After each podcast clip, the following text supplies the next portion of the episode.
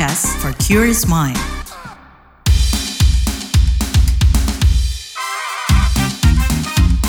What's Trending KBR Pagi, siaran pagi radio paling update. Kamu mendengarkan What's Trending edisi khusus yang hadir setiap Jumat. Saya Don Brady. Obrolan kita hari ini, ancaman hoax pemilu dan penangkalan. Kurang lebih tinggal tiga bulan pemilu digelar. Namun saat ini saja, hoax mengenai pemilu sudah meningkat 10 kali lipat. Hal ini diungkap Menteri Komunikasi dan Informatika Budi Aris Setiadi. Kata dia, terjadi peningkatan hoax terkait pemilu hampir 10 kali lipat dibanding tahun lalu. Kementerian Kominfo mencatat bahwa sepanjang 2022 hanya terdapat 10 hoax pemilu. Namun sepanjang Januari 2023 hingga 26 Oktober 2023 terdapat 98 isu hoax pemilu. Berarti terjadi peningkatan hampir 10 kali lipat isu hoax dibanding tahun lalu. Adalah Facebook yang sejauh ini menjadi platform media sosial dengan temuan hoax terbanyak. Menkominfo pun mengaku khawatir dengan hal ini. Kata dia, hoax yang beredar tidak hanya menyerang kepada pasangan calon presiden dan calon wakil presiden, tetapi juga menyerang kepada penyelenggara pemilu seperti Komisi Pemilihan Umum kekhawatiran kita bersama bahwa hoax pemilu sebagai salah satu bentuk information disorder tidak hanya menurunkan kualitas demokrasi, tapi juga berpotensi memecah belah persatuan bangsa. Akibatnya pemilu yang seharusnya menjadi pesta demokrasi dapat terkikis integritasnya serta menimbulkan distrust, ketidakpercayaan antar warga bangsa. Sebelumnya Ketua Badan Pengawas Pemilu atau Bawaslu Republik Indonesia Rahmat Bagja menyebut berita bohong atau hoax menjadi salah satu kerawanan utama dalam pemilu mendatang. Ia menilai arus informasi kepemiluan saat ini kerap dipelintir oleh oknum tidak bertanggung jawab untuk menyebarkan berita hoax. Menurutnya, pada era digitalisasi saat ini, konten hoax akan semakin berkembang pesat dan perlu penanganan yang serius. Sebab jika tidak diatasi, hoax akan dapat menurunkan kredibilitas dan integritas penyelenggaraan pemilu, serta kualitas pemilu itu sendiri. Kita mau ulas soal ini bareng News Editor Wahyu Setiawan. Usai jeda. Satu kata yang mendeskripsikan cinta, respect. Jahat. Selfless. Komunikasi. Itu kata mereka soal cinta. Dengarkan Love Buzz di kbrprime.id. Tersedia juga di platform mendengarkan podcast lainnya. Love Buzz membicarakan perkara yang tidak dibicarakan ketika berbicara perkara cinta. What's Trending KBR Pagi, siaran pagi radio paling update. Balik lagi di What's Trending edisi khusus setiap Jumat topik kita kali ini ancaman hoax pemilu dan penangkalan. Wahyu padahal bisa dibilang ya tahapan pemilu itu masih awal banget nih. Tiga pasangan bakal calon presiden dan wakilnya saja itu baru resmi mendaftarkan diri ke KPU pekan lalu. Tapi hoax soal pemilu udah naik aja sampai 10 kali lipat. Kalau yang begini baru kerasa anget nih, kebayang nggak gimana panasnya nanti nih Wahyu? iya dong, betul ya, kayaknya angkat-angkat gitu ya. Menkominfo Budiari sudah mendata ya dan menemukan Facebook itu menjadi media sosial yang teratas sebagai sarang hoax dan. Padahal pengguna Facebook di Indonesia tuh nggak main-main loh. Bahkan jumlah pengguna situs jejaring sosial Facebook di Indonesia tercatat sebagai yang tertinggi ketiga di dunia.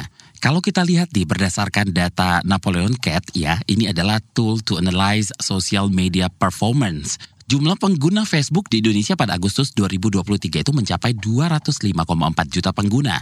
Jumlah ini meningkat sekitar 7 persen dibandingkan bulan sebelumnya.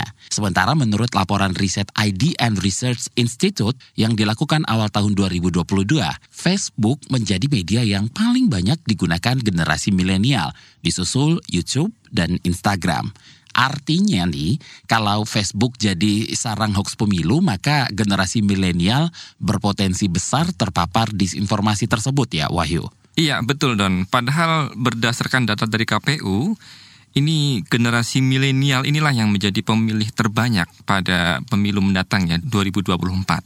Nah, persentase daftar pemilih tetap untuk generasi milenial itu mendominasi hingga lebih dari 33 persen, disusul Gen X, Gen Z, dan Baby Boomers pada urutan akhir. Ada contoh-contoh hoax pemilu yang sudah beredar?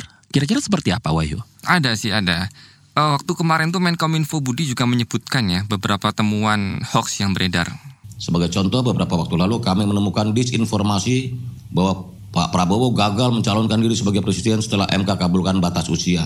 Selain itu sebelumnya beredar disinformasi KPU menolak pendaftaran Ganjar Pranowo menjadi capres karena ingin menjegal Anies Baswedan. Belum lagi ada lagi tidak hanya menyasar para baca pres dan baca wapres, isu hoax dan disinformasi yang kami temukan turut menyasar reputasi KPU dan penyelenggaraan pemilu untuk menimbulkan distrust terhadap pemilu kita. Contoh hoax lainnya adalah kami menemukan konten terkait temuan uang palsu di Pandeglang yang akan digunakan untuk membeli suara pada Pilpres 2024 dan disinformasi penerbitan draft surat suara Capres-Cawapres 2024. Padahal KPU belum melakukan penerbitan atau pencetakan surat suara.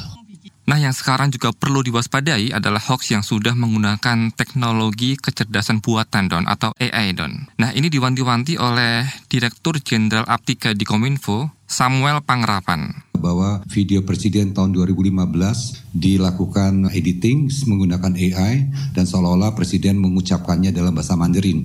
Dan itu kita lihat dan ini harapan kita masyarakat mulai hati-hati karena penggunaan AI ini sudah makin canggih dan sudah mulai bisa digunakan untuk melakukan editing-editing. Yang tadi kuncinya adalah carilah informasi dari sumber-sumber terpercaya karena nggak mungkin berita-berita besar tidak diliput oleh media-media. Itu harapan kami dan dengan demikian kita bisa menekan penyebaran hoax khususnya penggunaan hoax yang kalau kita lihat sepintas tuh hampir seperti aslinya. Itu sangat penting karena pasti kemajuan teknologi ini para pemain-pemain pun juga sudah mulai menggunakan teknologi ini. Jadi kalau kita lihat dari video yang kemarin itu dan kita coba memahami kita pakai penerjemah isinya sama. Cuma itu kan mendisinformasikan karena kejadiannya kan seolah-olah di, di, diberitakan ini kejadiannya di Cina dan pada saat pertemuan Pak Jokowi ke Cina kemarin padahal itu kejadian tahun 2019. Kalau dari narasi yang diucapkan setelah kita cross check dengan penerjemah sama dengan narasi bahasa Inggrisnya. Ini ada tujuannya disinformasi. Kalau sudah diketahui begini nih Wahyu, apa nggak bisa dicolek aja itu Meta, perusahaan induknya Facebook? Ya kalau kata Menkominfo Budi, Meta sudah punya komitmen ya Don hmm. untuk membantu Indonesia memerangi konten hoax ini.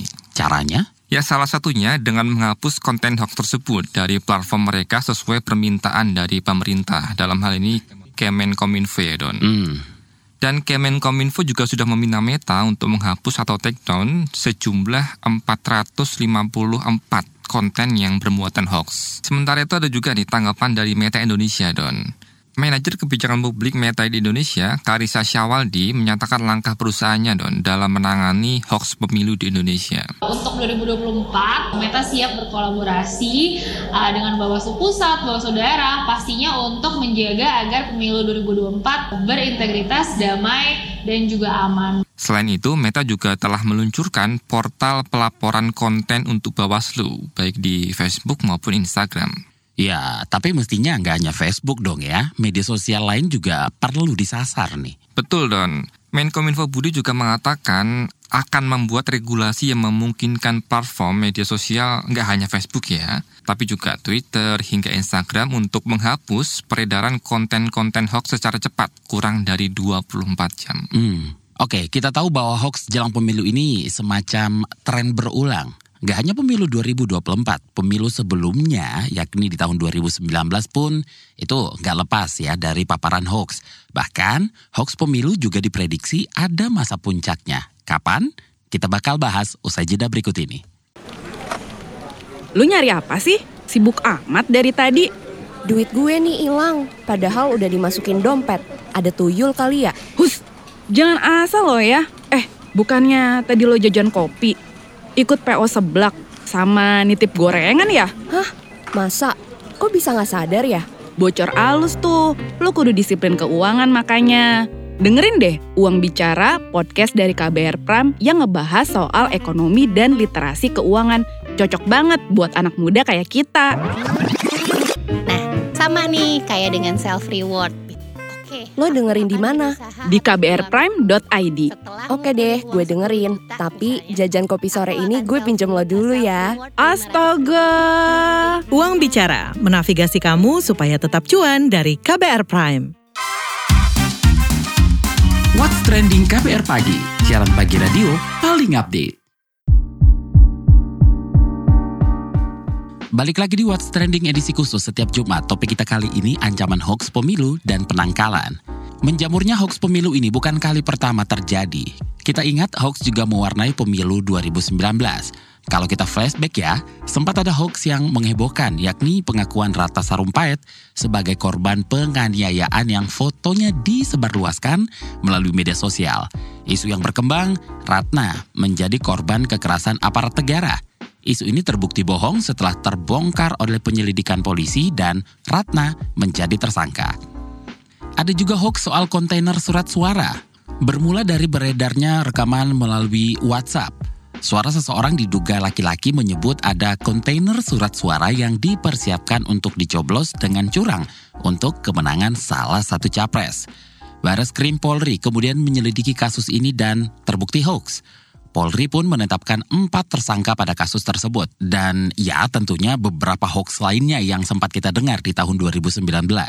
Nah KPU mencatat hoax ini dijadikan taktik dan strategi dalam mempengaruhi masyarakat luas agar mempercayai atau tidak mempercayai pasangan calon baik itu presiden dan wakil presiden maupun legislatif. Lalu untuk pemilu kali ini Wahyu, katanya ada prediksi puncak penyebaran hoax pemilu 2024 di media sosial. Ya dan soal puncak penyebaran hoax ya. Nah Bawaslu ini mengeluarkan rilis ya. Kalau kata anggota Bawaslu, Herwin C. Malonda, peningkatan tren hoax atau berita bohong potensial terjadi pada sekitar Februari tahun depan ya, jelang tahapan pemungutan suara. Hmm. Nah kalau kita lihat kalender pemilu kan 14 Februari itu hari hanya. Ya. Nah, di sekitaran bulan itu tren penyebaran hoax atau berita bohong diprediksi akan meningkat, Don. Prediksi ini berkaca pada pemilu 2019, kala itu puncak hoaxnya terjadi pada April 2019, ketika berakhirnya tahapan kampanye hingga hari pemungutan suara, Don. Sekarang bagaimana hoax-hoax ini ditangani? Sampai jalur hukum nggak? Atau ada aturan dan sanksi soal ini? Dalam hal penanganan kasus hoax selama pemilu 2024, Kominfo akan berkolaborasi dengan Polri apabila ditemukan konten-konten yang berpotensi menimbulkan perpecahan, bahkan konflik di tengah masyarakat. Hmm.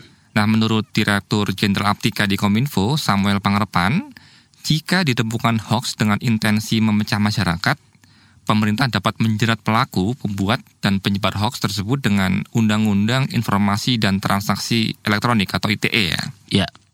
Nah, kalau menurut undang-undang itu, setiap orang yang dengan sengaja dan tanpa hak menyebarkan berita bohong dan menyesatkan yang mengakibatkan kerugian konsumen dalam transaksi elektronik, nah ini dapat diancam pidana penjara paling lama enam tahun. Hmm. Dan atau denda paling banyak satu miliar rupiah. Banyak juga ya, Don? Ya. Nah, untuk contoh penanganan hukum pada pemilu sebelumnya adalah ketika Polri di tahun 2019 menangkap pelaku penyebar hoax. Mhm. Hoax yang disebarkan itu menyebut bahwa server KPU telah bocor dan diatur atau disetting angka 57% untuk salah satu pasangan calon. Hmm. Nah, menurut keterangan polisi, tersangka mengakui bahwa data yang diperoleh itu dari beberapa medsos saja, Don. Hmm. Jadi yang bersangkutan tidak melakukan semacam penelitian, pendalaman maupun cross check ya. Jadi hanya berpedoman pada informasi yang ada di media sosial. Nah, selain dijerat Undang-Undang ITE, tersangka juga dijerat dengan beberapa pasal di KUHP. Kemudian ada juga kasus yang tadi sempat disinggung Don ya, yakni Ratna Sarumpait. Nah, Ratna ini dikenai pasal di KUHP tentang menyebarkan berita bohong untuk membuat keonaran. Hmm. Dia difonis 2 tahun penjara oleh Pengadilan Negeri Jakarta Selatan. Sebetulnya siapa sih yang mendapat untung dari hoax ini dan format atau ya bentuknya yang kira-kira paling banyak diproduksi itu seperti apa Wahyu? Oke, kita sudah tanyakan itu ya Don kepada co-founder dan fact-check spesialis masyarakat anti fitnah Indonesia atau Mavindo, Ari Bowo Sasmito. Berdasarkan pola-pola yang sudah berjalan itu kelihatan bahwa pasti ada yang bikin. Nggak mungkin kalau nggak itu ada yang memulai, lalu yang posisinya sebagai korban ya itu lebih banyak yang menyebarkan dan akhirnya jadi viral gitu. Dan memang pola-pola berkaitan dengan pemilu itu ya ada juga yang mengambil keuntungan. Keuntungan dalam bentuk bukan selalu dalam bentuk uang gitu ya, tapi dalam bentuk misalnya kan sekarang di era media sosial ini orang bisa terkenal dan viral di media sosial punya banyak pengikut itu juga sudah jadi bentuk tersendiri untuk puas gitu lah ya ujung-ujungnya. Hoax paling tinggi bentuknya dari dulu itu memang selalu visual karena gimana pun juga kita ini makhluk visual ya, gampang tertarik, gampang terpicu kalau menggunakan visual. Nah kalau dulu yang trending yang banyak digunakan itu adalah foto belakangan karena semakin menjamur menggunakan video. Apakah suntingan atau asli itu dua-duanya sama jadi hal yang menarik. Tapi kalau untuk yang bentuknya suntingan ke anak-anak muda yang notabene mereka itu akan jadi lebih dari separuh jumlahnya sebagai pemilih pemula ya itu tidak akan efektif karena mereka udah tahu gitu. Jadi uh, itu mungkin lebih akan manjur ke generasi-generasi yang senior atau sering disebut oleh anak, anak muda itu sebagai boomer gitu ya. Nah, yang lebih rumit sebetulnya itu adalah yang bentuknya itu konteks yang salah ya gitu karena dia akan menggunakan foto kalau banyak foto dia akan menggunakan video kalau banyak video video itu asli gitu ya tidak disunting tapi di konteksnya dipelintir di 5W1 atau asli gambarnya apa siapa di mana kapan mengapa bagaimana. Karena itu tentu saja lebih rumit daripada yang bentuknya foto atau video suntingan gitu. Karena foto atau video suntingan kan tinggal diklarifikasi menggunakan aslinya udah selesai. Nah kalau menggunakan konteks itu tentu saja orang akan lebih lebih merasa puyeng karena dia lebih rumit daripada sekedar visual yang hasil suntingan kalau sudah tahu tren hoax pemilu sebelumnya, bisa nih dibikin semacam hmm, antisipasi ya. Kalau Mavindo menyebutnya pre-banking ya, dan ini sudah dilakukan bareng KPU dan Bawaslu juga. Seperti apa? Uh, kita simak penjelasan dari Aribawa Sasmito dari Mavindo. Mengatasi hoax pemilu cukup susah sih ya, karena yang namanya hoax mau itu pemilu lokal atau pilkada gitu ya. Apalagi pilpres yang sifatnya nasional itu tentu saja akan menyedot banyak perhatian masyarakat karena hoax yang paling laku itu hoax yang berkaitan dengan politik. Karena politik itu sangat melekat dengan kehidupan kita sehari-hari yang artinya ya tiap ada acara atau event politik dia akan naik cenderung signifikan cukup banyak gitu ya.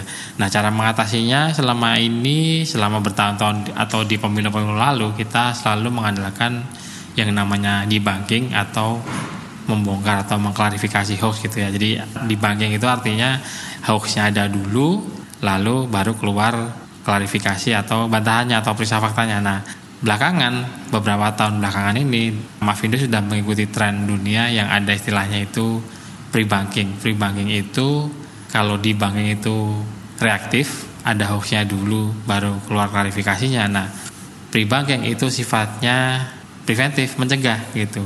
Jadi di pre-banking itu kami juga mulai ikut menjalankan dengan cara membuat banyak pelatihan sambil memberikan teknik-teknik tertentu ke masyarakat bahwa berdasarkan waktu itu kami bikin FGD ya dengan KPU dan Bawaslu dan akhirnya keluarlah kurikulum pre-banking kami.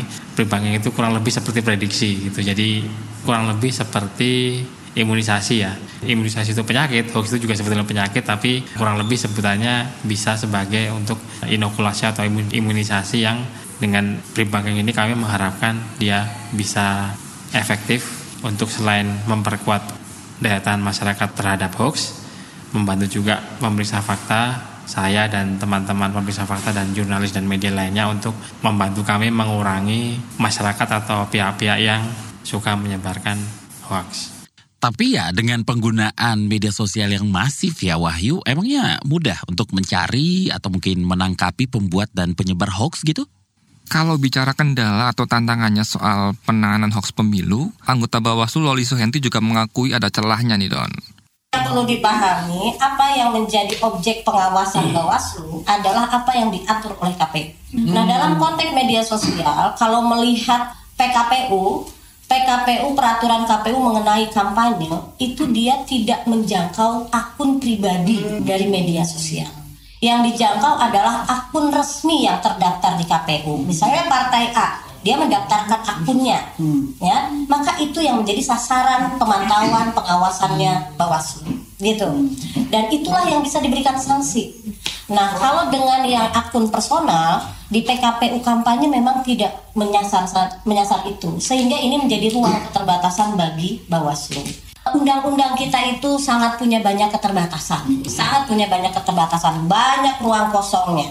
Tetapi kalau kita orang yang bertanggung jawab, warga negara yang bertanggung jawab, maka kewajiban kita adalah menutup ruang kosong itu dengan cara-cara yang penuh kebaikan buat demokrasi kita. Jangan sampai ada bilang, oh berarti kita nggak bisa disasar nih. Oke lah kita akan perbanyak bazar.